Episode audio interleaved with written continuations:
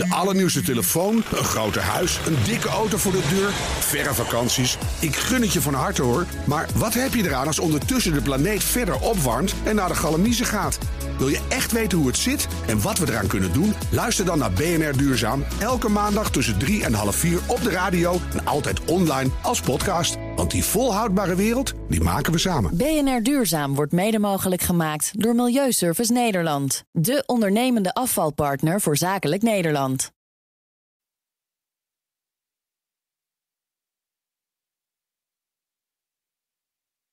En dan doet Rutte hier nu iets heel doms. Want dan zorgt hij er namelijk voor dat Baudet weer helemaal in de wedstrijd komt en zijn Calimero-rol kan, uit, eh, kan uitspelen. Het, het advies wat mijn moeder mij vaak geeft, en dat is Reinier, iedereen zit te wachten op een positief en constructief verhaal. Geen eh, persoonlijke aanvallen, maar mensen met ideeën. Dit is Project Binnenhof, de politieke podcast van BNR Nieuwsradio.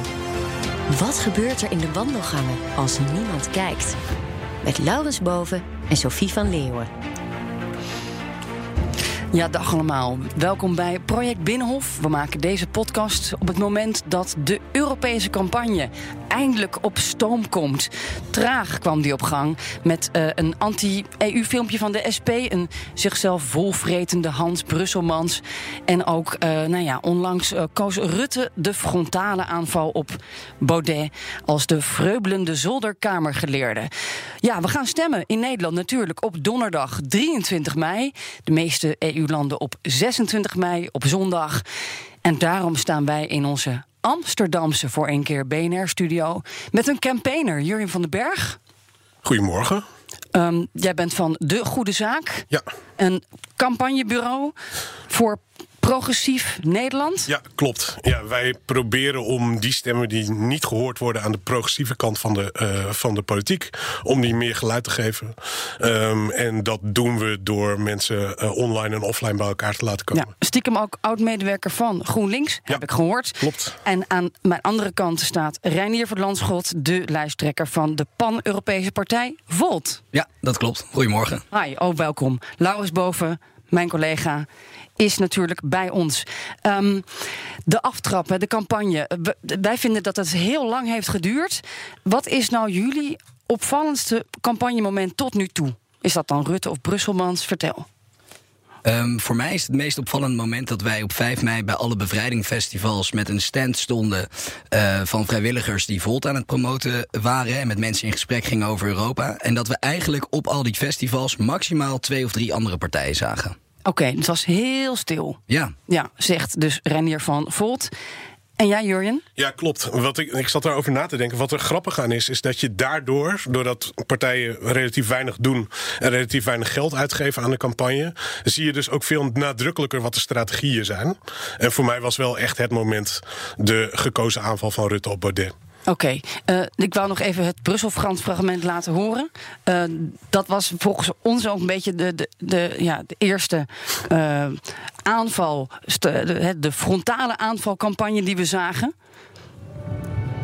Dit, dit is Hans. Hans Brusselmans. Ja, Brussel-Frans uh, fragment. Dat, dat lijkt een beetje de nieuwe strategie te zijn in Nederland. Nou ja, ik ben er nog steeds niet over uit. Iedereen viel over de SP heen. Uh, toen dat filmpje gemaakt werd, Renier maakte er een hele mooie parodie op. Die denk ik voor Volt, voor Volt zeker effect had. Ik denk dat de stembus uit moet wijzen of deze aanvalstrategie van de SP nou helpt. Uh, hun achterban is relatief eurosceptisch. En Timmermans voelt voor de SP-kiezer als een hele neoliberale P van de Aar. Dus ik snap wel waarom ze het gedaan hebben. Het viel mij op dat hij helemaal niet in goede aarde viel bij iedereen die er iets over moest vinden. Maar wat de kiezer ervan vindt, dat weet ik nog niet zo goed. Ik laat even de persiflage op Hans Brusselmans horen. Van Volt, van jou, Reinier. Die vond ik persoonlijk wel grappig. Komt-ie? Dit is Reinier. Reinier wil samenwerken met andere Europese landen. Als één groot en machtig Brussel. En dan zie je hoe jij een, een tomaat naar binnen schrokt in die persiflage... terwijl die voice-over vertelt dat jij 0 euro verdient. Ja, dat klopt. Als politicus. Uh, hoe, hoe is dat gegaan na, na die SP-rel, uh, dat jij toen met die video kwam? Ja, wij werken heel veel via WhatsApp uh, met elkaar samen. En er werd eigenlijk daarover gediscussieerd, over wat we van het filmpje vonden. En toen zei iemand van ja, het is zo zonde dat er super weinig inhoud in hun, in hun filmpje zit. Het lijkt alleen het bashen van Frans Timmermans en niet het, eigen, het vertellen van een eigen verhaal. Ze hadden het ook zo kunnen doen. En toen typte iemand gewoon eigenlijk nagenoeg in eenzelfde tekst. De tekst die wij uiteindelijk hebben gebruikt.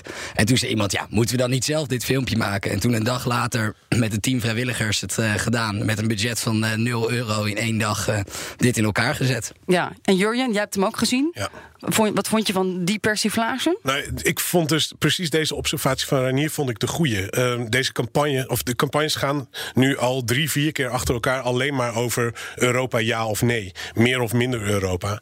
En inmiddels is de grootste groep kiezers, die gaat het niet over meer of minder, maar die gaat over Europa hoe. En de eerste partij die daarop durft campagne te voeren, um, ik wil niet zeggen dat die nog op moet staan, maar de eerste partij die daarmee ook de verkiezingen weet te domineren, die moet wel nog opstaan. Ook Volt doet dat niet. Nee, Volt doet dat wel. Alleen Volt is nu natuurlijk een nieuwkomer en kan daarmee uh, redelijk effect bereiken. Maar zal niet het, um, zoals dat dan in, in campagnetaal heet, het referendumthema van de verkiezingen uh, bepalen. Wacht even, zeg jij nou in feite dat uh, heel politiek Den Haag op het verkeerde paard aan het wedden is als hij. Als die anti-campagne zo hoog kookt? Nou ja, want uh, bijvoorbeeld gisteren zit, zit, uh, zit Mark Rutte in Nieuwsuur. En dan krijgt hij dus de kans om te vertellen wat hij wil voor Europa. En op het moment dat hij dat daar niet over het voetlicht krijgt. En zijn strategie blijft hangen op. Ik ben een stukje minder erg dan Thierry Baudet. Um, dan trek je de kiezer niet naar je toe. Dan haal je al die waarden. Waar een heleboel mensen wel degelijk positief op reageren bij Europa. Die haal je niet naar je toe. Um, dus ik vind dat politieke partijen daar veel dapperder in Waar zouden kunnen zijn. op dat dat uh, op dit moment een strategie zou kunnen zijn waarmee je de verkiezingen zou kunnen winnen? Uh, een, een waardestrategie bedoel je? Ja? ja. Een nou positief ja, Europa-verhaal? Nou ja, dat, dat baseer ik erop dat je uiteindelijk. De opkomst is ontzettend laag. Dus je kunt gewoon hele grote verschillen maken. als je precies jouw doelgroep naar de stembus weet te brengen. He, bijvoorbeeld, be, uh, belangrijke doelgroep van Volt: uh, 18 tot 24-jarigen. Vorige verkiezingen 18% gestemd.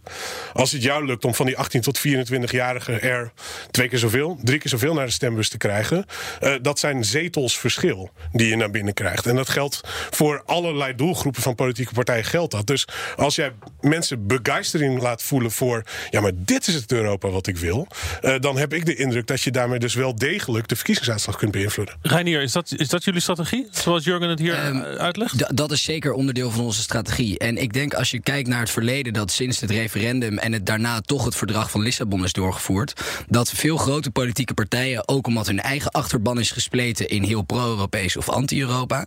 het moeilijk vinden om het daadwerkelijk pro-Europees geluid te vertellen. Dus toen wij voor het eerst uh, in een krant kwamen met wij willen nieuwe energie in Europa brengen, we zijn, staan positief tegenover de EU, maar er moeten dingen veranderen. Toen kreeg ik van honderden mensen al reacties van hoe kan ik helpen, dit moet er komen. En het feit dat we sinds we de afgelopen drie weken wat meer media-aandacht hebben gekregen, dat dat ons ledenaantal heeft doen stijgen naar 5548. Ik kreeg toevallig net een appje van het laatste aantal. Um, dat geeft wel aan dat heel veel mensen behoefte hebben aan die positieve Europese boodschap, die veel te weinig is gehoord. Maar het persiflatiefilmpje heeft maar 500 views. Dat is nog lang niet viral gegaan. Ja, op YouTube weinig, maar 22.000 op uh, Twitter en op Facebook ook weer een stuk meer. Alleen, we moeten het ook niet van dat filmpje hebben. Waar wij het van moeten hebben, is dat we de afgelopen anderhalf jaar 300 evenementen hebben georganiseerd in Nederland. Uh, van Groningen tot Maastricht. Mensen uh, en teams hebben geformeerd om samen te na te denken over de toekomst van Europa. En nu ook met zoveel mogelijk mensen in gesprek te gaan. Dus wij hebben een gigantische groep vrijwilligers die keihard aan het werk is. Die afgelopen weekend met fietsen, met vlaggen, met volt eraan door, door de stad fietsen kregen allemaal filmpjes van, uh, van over heel Nederland. Maar, jij, ben, jij bent, uh, achtergrond is van Albert Heijn, hè? Je bent, ja. je bent een verkoper. Uh, ja. Van, van, ja, dat, dat zou je zo kunnen zeggen. Ja. Dus je hebt, hoe, hoe heb jij dan de politiek bekeken? Zag je een gat in de markt? Is het, is het een, een marketing ding dat je denkt Nee, van hey, nee, nee, Volt nee, nee. Het kan iets tegenovergestelde. bereiken? Het tegen, eh, sorry dat ik door je heen praat, maar echt het tegenovergestelde. Ehm, ik krijg vaker te hangen van ja, wat is dan precies jullie strategie? Waar zit het laaghangend fruit? Maar wij zijn niet de politiek ingegaan om een geluid te vertellen waarvan we denken dat het populair is. We, eh, ik heb namelijk het idee dat dat bij veel andere politieke partijen wel gebeurde en daar ergerde ik me aan. Dus eh dit klimaatakkoord eh, wordt eh, zogenaamd gesloten en dan zegt Rutte, eh, of dan wordt het zogenaamd gesloten en Klaas Dijkhoff zegt anderhalf maand later, als het blijkt uit opiniepeilingen dat het toch niet zo populair wordt ontvangen, ik laat eerder het kabinet vallen dan de kiezer en het klimaatakkoord is er toch niet. Je weet dat wij journalisten en het publiek dermate getraind zijn op, op cynisme dat we dit niet geloven, hè, wat je nou zegt. Dat dit een, dat dit een verkooppraatje is. Kom op voor- met die strategie. Ja, ja, ja, ja, dat kan ik me voorstellen. Nou, kijk, ehm, eh, als ik dan een strategie zou moeten zeggen, dan, dan is het het advies wat mijn moeder mij vaak geeft. En dat is Reinier, iedereen zit te wachten op een positief en constructief verhaal. Geen eh, persoonlijke aanvallen, maar mensen met ideeën. Dus dat, dat is denk ik dan eh, de voornaamste strategie. Maar wij hebben ook geprobeerd om D66 hier in de studio te krijgen. Om met jou in debat te gaan. Want als je de stemwijzer doet, dan eh, eh, voor 95% kom je eigenlijk, eh, geven jullie dezelfde antwoorden. eh, op dezelfde vraagstukken. Die zeggen volgens mij, eh, heb, je, heb jij copy-page mijn programma overgenomen? Ik vind het grappig dat ze dat zeggen. Ons programma is gemaakt met eh, eh, duizenden mensen uit heel Europa. En er zit zeker overlap in. Ik ben blij dat, dat er andere partijen onze ideeën ook delen. Maar je zou dat ook voor een groot deel bij D66 kunnen zeggen. Ander vers- of bij Ze zijn GroenLinks volgens mij een beetje, beetje, beetje pissig op jullie, met, op jullie programma van Volt. Dat jullie de Eh, stemmers, stemmers willen afpikken. Oh ja? Nou als er ooit een nieuwe politieke partij ontstaat die ongeveer hetzelfde denkt als wij, dan zou ik dat alleen maar aanmoedigen. Eh, wij, wij zijn overigens niet voor grootschalige referenda, waar zij wel voor zijn. En Ah, zijn ze ook niet meer, hè? Ja, in de stemwijzer nog wel. En als je dus als je 100% volt uit de stemwijzer krijgt, dan krijg je 66% GroenLinks en 66% eh D66. Maar ik vind, vind dit, als ik mag, wel, wel een interessante. Want ehm, ik heb me ook verdiept in eh standpunt van Volt. En eh, met name de waardestatements die op de website staan. En dan valt mij op, zeg maar, ik zou in deze, deze campagne juist die debatten willen hebben. eh, tussen de grijstinten van het Europa dat je wilt. Tussen D66 en Volt. Ja, D66 en Volt, PvdA en Volt, GroenLinks en PvdA. Maar D66 wilde dus niet, hè? Nee, We hebben echt meerdere politici van D66 benaderd. Van, eh, inclusief Rob Jetten. Eh, en die wilden niet met Volt in discussie. Maar Weet jij waarom? D66 voert nog steeds campagne op Europa ja. Ehm, dus dat ondersteunt een beetje dat punt wat ik net maakte. En ze zeggen dan, zich- als wij met, de- met Volt in debat gaan, maken we Volt groot. Ja, ja, maar ja, dit, dit- en, en dat is wel, zeg maar, hè, da- daar heeft de nieuwkomer tegenover mij natuurlijk een makkelijke positie. Want tegen de tijd dat hij eh, op een plek zit, dan zal hij ook dingen moeten verdedigen. Eh, maar het is wel een hele rare interpretatie van campagne en van democratie. Ehm, ik vind dat, eh, dat deze generatie politici zichzelf een beetje aan het verliezen is in kiezersonderzoek. eh, conclusies trekken uit wat je achterban wil. Ehm, daardoor zelf, nou bijvoorbeeld inderdaad, als je achterban een beetje twijfelt over hoeveel je van Europa houdt, dan maar niet dat hele onderwerp op de kaart zetten. Eh, dat maakt het voor nieuwkomers ook makkelijker om te zeggen van, hé, maar jullie horen allemaal bij hetzelfde clubje. Maar het maakt het ook voor de tegenstem een stuk makkelijker om te zeggen, je hebt een paar soort van gelijkvormige clubs van GroenLinks tot en met VVD, die allemaal in Europa willen blijven. En dan heb je ons en wij willen uit Europa. Ik hoor het woord partijkartel doorschemeren. Is, is, is eh, Volt eigenlijk het Forum voor Democratie op, eh, op, progressieve, op de progressieve hoek? Nou ja, ik vind die term part- partijkartel werkt heel goed voor een, eh, voor een protestbeweging. Ehm, waar, mij, waar het mij veel meer om gaat, is dat het volgens mij beroepspolitici geworden zijn die in een marketingklem zitten. En dat is toch wat anders, want ik vind dat er een heel duidelijk verschil is tussen hoe die verschillende partijen politiek bedrijven. Alleen hoe ze campagne voeren op dit moment, daar gaat het volgens mij echt mis. En dan met name voor de partijen die geen simpel verhaal te verkopen hebben. Maar is er wel een overeenkomst tussen de campagne van Forum en Volt? Zoals jij dat ziet nu, met die jonge achterban?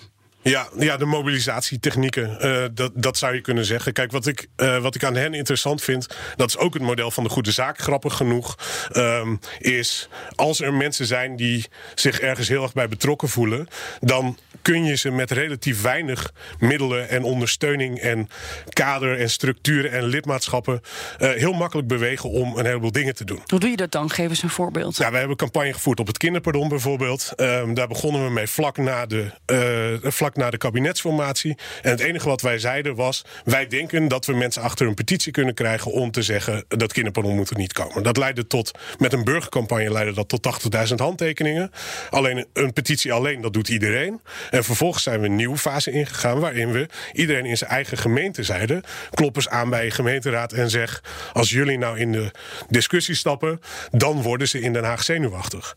Dat leidde er dan toe dat er uiteindelijk uh, meer dan 100 van die gemeenten ook daadwerkelijk zeggen: van wij maken er een punt van. Daar zaten ook weer CDA-fracties tussen, D66-fracties, ChristenUnie-fracties. Dan gaat er wat rommelen in die politieke partijen. Daar gaan mensen weer naartoe. Vervolgens dreigen er mensen uitgezet te worden waar mensen omheen wonen die zich gaan organiseren en die zeggen: dit pikken we niet. En voor je het weet heb je gelijk of vergelijkbaar met die vrijwilligersacties van Volt, heb je een burgerbeweging die zegt van het maakt mij niet uit wat jullie daar politiek met elkaar afgetimmerd hebben, maar wij willen dit niet en de samenleving wil dat niet. niet. En eh, een ander groot verschil, denk ik wel, uh, als je kijkt naar bijvoorbeeld wat ik meekrijg van de forumcampagne versus die van ons, is dat wij uh, in de afgelopen anderhalve maand, denk ik, 60 debatten hebben gevoerd. Veelal op universiteiten, studieverenigingen en dergelijke.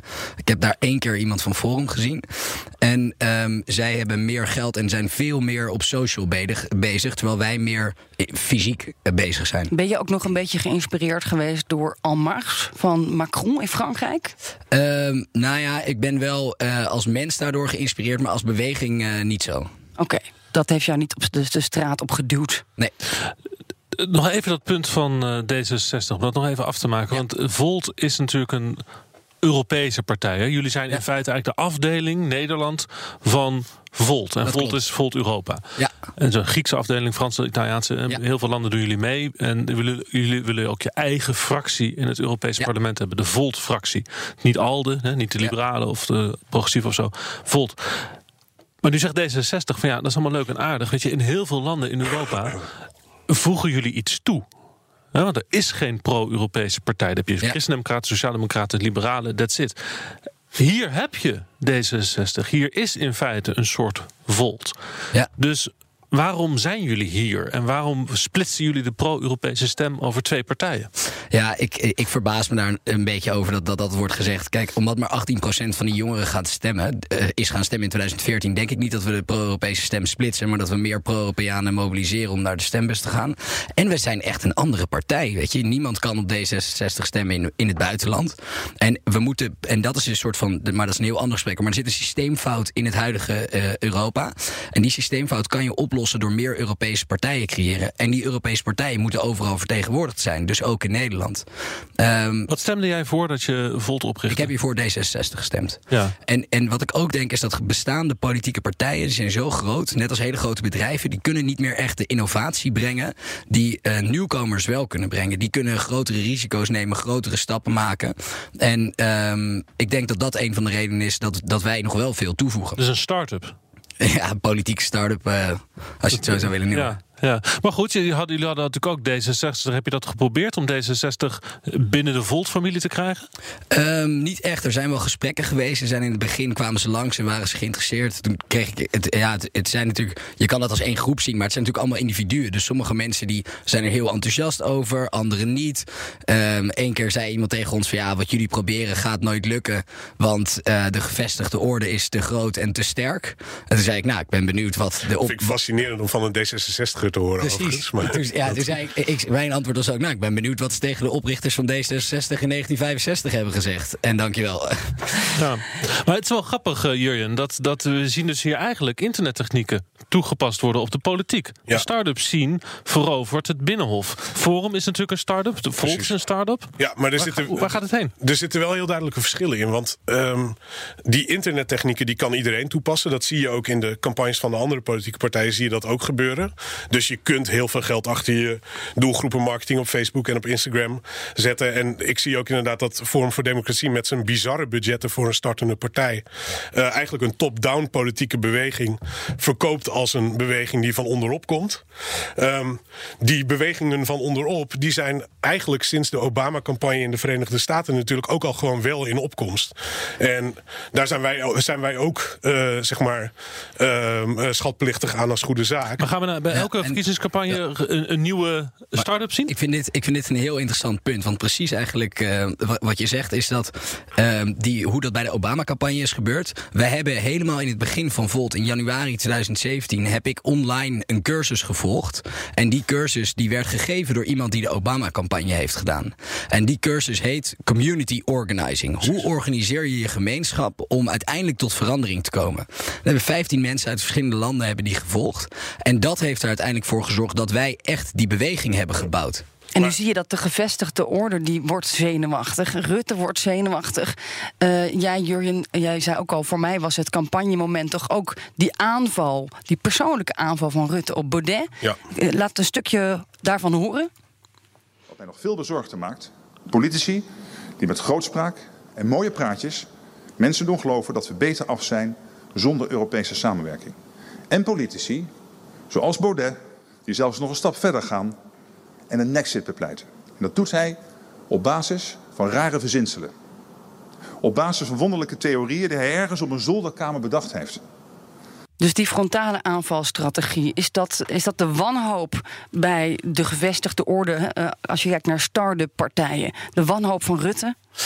Ja, ja, ik voelde hier zeker wanhoop in. Want eh, bij Rutte zitten natuurlijk. Als, als wij naar Rutte en Europa kijken. Uh, dan zien we dat hij de afgelopen anderhalf jaar heel opzichtig bezig geweest is met die campagne voor Rutte zelf als um, toekomstige leider van Europa, hoewel hij dat blijft ontkennen. En die wanhoop voel ik hier heel erg. De subtekst van wat hij zegt is ook gewoon: als ik straks premier ben van een land waar het Forum voor Democratie de grootste wordt, vertrouwt Europa mij ook niet als de hoeder van de toekomst van Europa.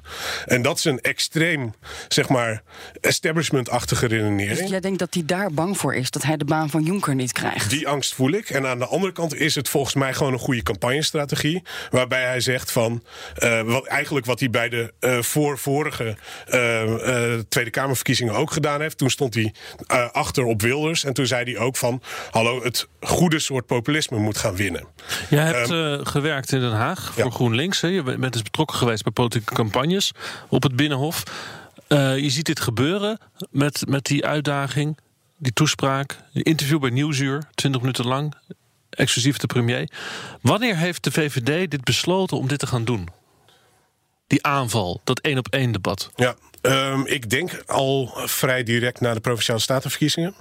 Um, en de timing is ook wel bewust, uh, bewust er eentje geweest van relatief laat. Uh, volgens mij hebben ze, uh, hebben ze twee dingen geprobeerd. Eén, de opkomst laag houden.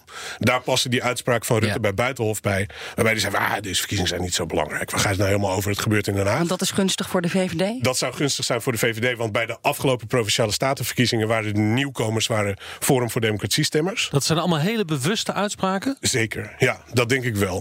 Um, en toen dat onvoldoende effect had, zij peilen heel erg goed intern. Um, zij hebben een, uh, zoals alle politieke partijen, maar zij heel intensief de database van Frank van Dalen, van um, die oud VVD, ja, VVD, oud voormalig VVD-politicus die tegenwoordig in de big data doet Precies. en data verkoopt aan uh, politieke organisaties. Jij kent ze niet. Uh, nee. Luister naar een eerdere podcast hierover. Kan de hedendaagse politiek eigenlijk niet meer functioneren als politieke partij zonder de diensten van Frank van Dalen? of, of, of juist wel, want dan raak je niet zo verstrikt in die hele zeg maar, peilingsklem. Maar de VVD doet dat altijd wel heel goed. Dus als de VVD iets doet, is het beredeneerd. Uh, dan is er ook nagedacht over de timing. En ik denk dus dat wat ze gedaan hebben is eerst kijken of ze de interesse laag kunnen houden. Nu tot de conclusie komen, er is animo voor die verkiezingen. En dan moet je wat doen.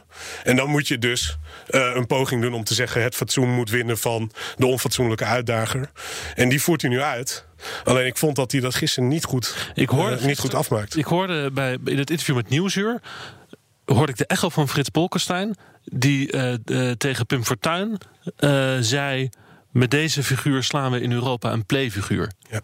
En hij zei dat eigenlijk, in andere woorden zei hij dat ook. Met Baudet als grootste partij kost dat ons, ons aanzien in Europa. Ja. Dus een zeer regenteske opmerking eigenlijk. Nee, dat, dat vind ik dus ook. En dat is heel ingewikkeld. Want Rutte, wat ik, ik vond zijn speeches over Europa van de afgelopen tijd echt heel goed. Uh, maar die zijn geschreven en dat is dus makkelijk. Dan gaat er iemand die er verstand van heeft, die zet de woorden voor je in de goede volgorde. Ik vind dus dat als hij zijn eigen verhaal over Europa moet vertellen, dan is hij niet scherp genoeg in wat hij niet wil en wat hij wel wil. En daarmee vervalt hij dus in een soort platte boodschap... waarbij hij zegt van laat ons maar doen. Aan de andere kant, uh, het is misschien redelijk geregentesk... maar hij is ook zeer ervaren. Een van de langzittende premiers in Europa. Hij weet hoe hij dit spel moet spelen. Misschien heeft hij ook gewoon gelijk. Dat kan natuurlijk ook.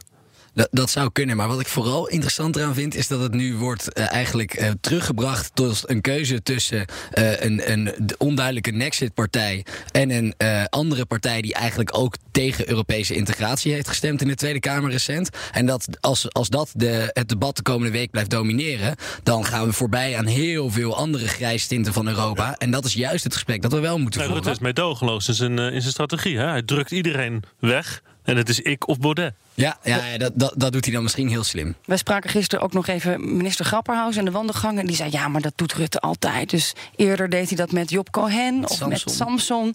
Het is ik of Samson. Ja, precies. En, en dan won hij het ook uiteindelijk daarvan. Maar de vraag is of het dit keer gaat lukken. Wat denken jullie? Met deze strategie? Ik vind dat heel moeilijk in te schatten. Ook omdat wij nu zo erg gefocust zijn op de eigen campagne... dat ik dat niet, niet meer... Mijn, mijn, mijn voelsprieten in de samenleving zijn kleiner... omdat ik alleen maar volt, volt, volt, volt, volt focus heb. En wij Volt nog een mening over de Europa strategie van Rutte? Hoe, hoe die ja, dus nu dat, dat uh, op tafel legt? Kijk, ik hoop dat als hij zich nu pro-Europeeser gaat presenteren... Wat, ze wel, wat hij wel weer een beetje lijkt te doen... dat hij dat ook daadwerkelijk vol gaat houden. Dat dat geen verkiezingsretoriek is. Want wat we in de afgelopen jaren hebben gezien met het Zurich-speech... dan zegt hij, we moeten afstappen van het veto's in het buitenlandbeleid. Maar op andere punten gaat hij direct zijn veto's inzetten. In Europa is hij pro-Europees. In Nederland mm, vrij sceptisch over Europa. Ik hoop dat hij nu... Uh, um, durft te zeggen waar het op staat. Namelijk dat de VVD ook eigenlijk uh, misschien wel het liefst pro-Europees wil zijn. En dat hij dat volhoudt. Maar dan heb jij er een concurrent bij. Dan kan Volt het vergeten. Maar het, het, gaat mij niet om Volt. Het gaat om een beter Europa. Als iedereen nu pro-Europees gaat zijn, kunnen we Volt opheffen. Kan ik gaan chillen. Ah, Oké, maar dat gaat uh, nog niet gebeuren hier. Bij D66 dat 60 jaar geleden ook al een keer gezegd. Ja, precies. Ja, het is altijd, altijd een goed voornemen om jezelf op te heffen als je niet meer nodig bent. Dus uh, hulde daarvoor. Nee, het, wat ik denk is, kijk, de, het Forum voor Democratie heeft het wel lastig. Met die interne machtsstrijd en die vreemde figuren die nu, nu weer oppoppen. Ik weet helemaal niet wat dat met de zin van hun kiezers doet om op te komen. Ook omdat ze uiteindelijk zelf in hun boodschap helemaal niet zo heel helder zijn over Nexit, ja of nee. Nu wel, nu wel natuurlijk als campagne move uh, de overgang terug naar de gulden uh, erin gebracht hebben. Um, het zou best wel eens kunnen dat zij tot nu toe zelf de kiezer niet zo in het hart wisten te raken. En dan doet Rutte hier nu iets heel doms. Want dan zorgt hij er namelijk voor dat Baudet weer helemaal in de wedstrijd komt en zijn Calimero-rol kan, uit, kan uitspelen. Um, ik voorspel eigenlijk dat um, Rutte echt met een beter verhaal moet komen in dat debat. En echt met een goede campagne, campagnetruc. En dat anders deze poging vruchteloos is. Dat mogelijk Facebook-debat of waar het dan ook gaat plaatsvinden. 150 tegen 150. Ja. En mag ik daar dan iets over vragen? Want wat ik opvallend vind is dat dan toch weer de Europese verkiezingen zo uh, gedomineerd worden door nationale politiek. En dat is ook een van de redenen waarom voor mij een Europese uh, uh, partij een toevoeging is. Zodat we ook echt een Europees publiek debat kunnen gaan krijgen. En nu zie je toch weer nationale lijsttrekkers die het over Europa gaan hebben. Hoe, hoe kijken jullie daar tegenaan?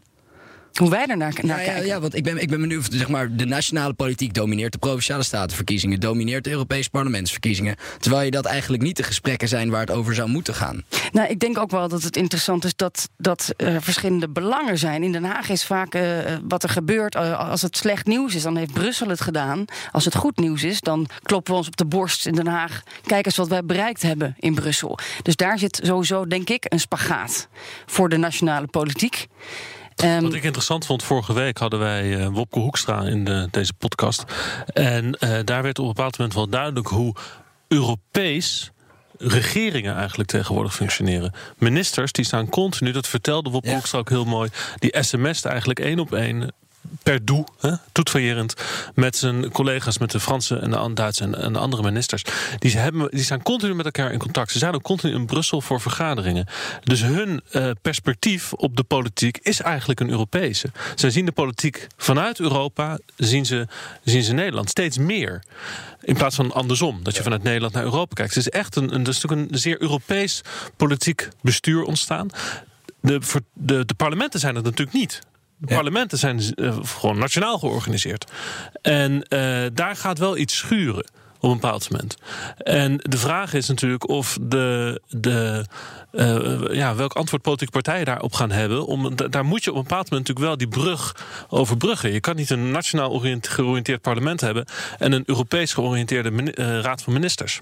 Ja, heel interessant. Ik ben benieuwd hoe dat zich verder gaat ontwikkelen de komende jaren. Worden jullie überhaupt wel serieus genomen in Den Haag, Volt?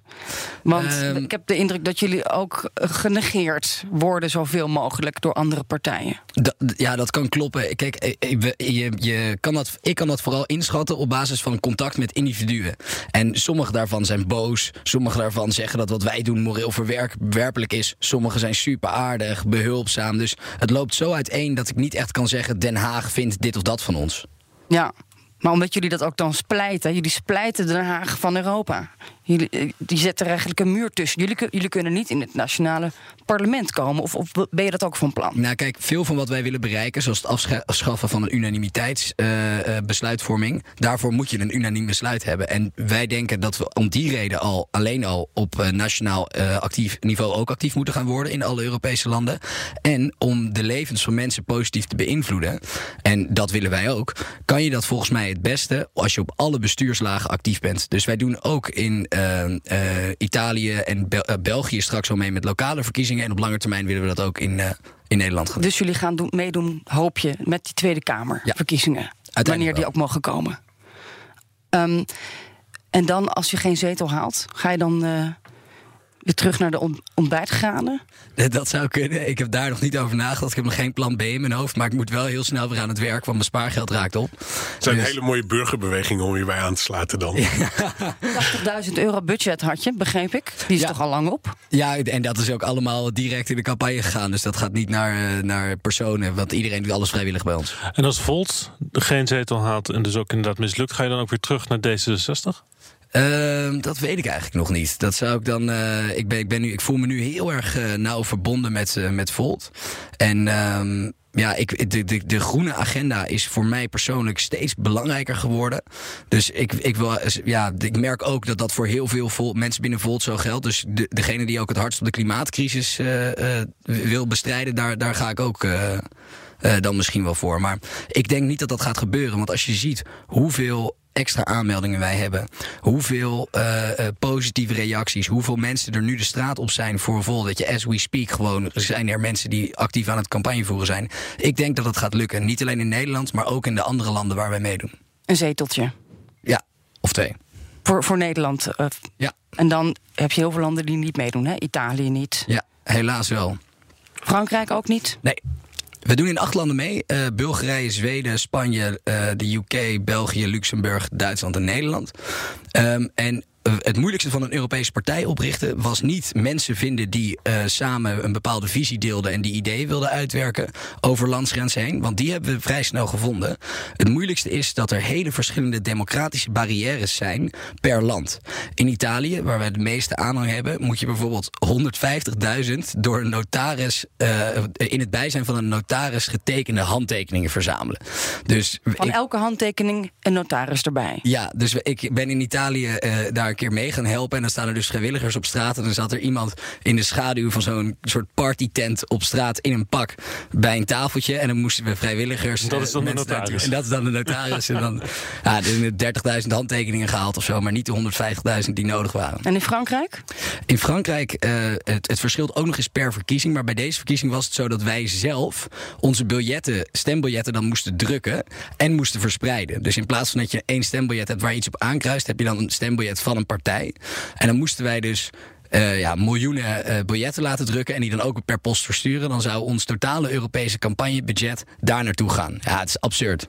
Ja, maar gaat het dan ooit lukken als, je, als je dat, dat je voorland is? Uh, nou ja, kijk, ik, als je ziet dat wij tot hier zijn gekomen en mensen twee jaar geleden zeiden van dit gaat nooit lukken, ja, dan denk ik dat we ook al vaak hebben bewezen dat dingen die uh, moeilijk zijn, wel haalbaar zijn als je het met genoeg mensen uh, op een goede manier doet. Dus ik denk dat dat wel ooit gaat lukken. En hoe zwaar is dit nou waar je al, ik weet niet hoe lang mee bezig bent?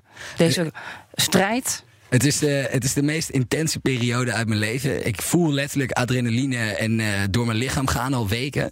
Uh, ik, dagen van, van 9 uur s ochtends tot 12 uur s avonds. Maar het is tegelijkertijd super cool.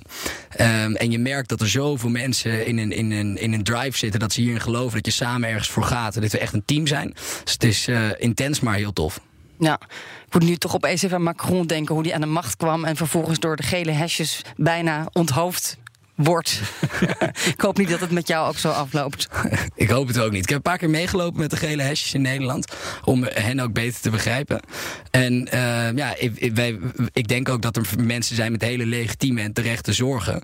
En overigens was van de mensen die ik sprak, was een best wel groot gedeelte wel pro-Europees. Want als je hen vertelt dat de enige manier om bedrijven als Amazon, die een omzet hebben die groter is dan ons bruto nationaal product, om die eerlijk te belasten, door dat Europees te regelen, dan zeggen al die gele hesjes die ik sprak.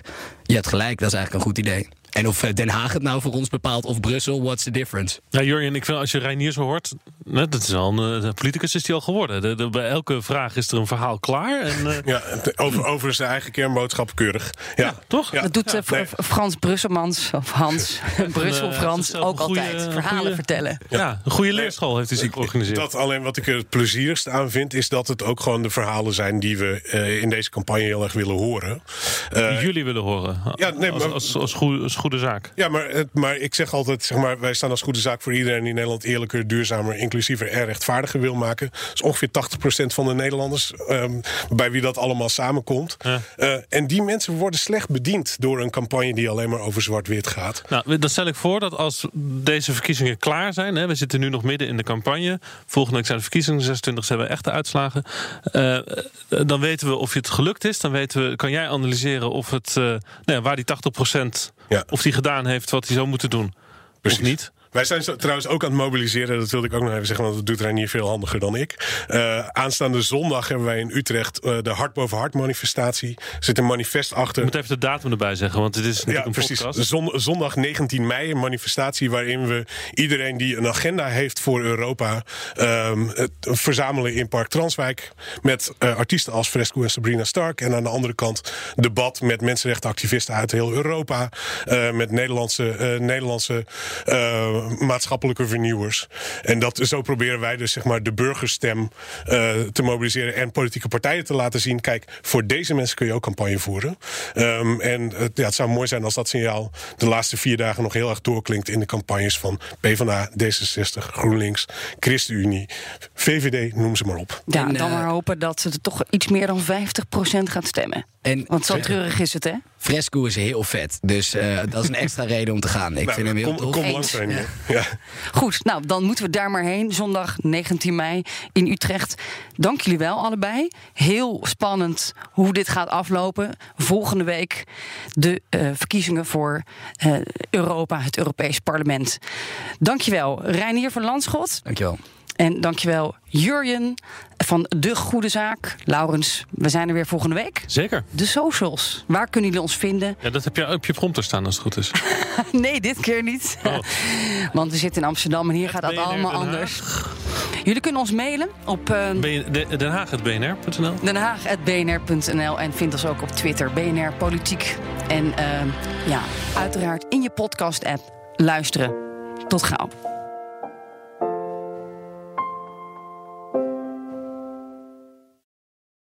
Allernieuwste telefoon, een groter huis, een dikke auto voor de deur, verre vakanties. Ik gun het je van harte hoor. Maar wat heb je eraan als ondertussen de planeet verder opwarmt en naar de galamiezen gaat?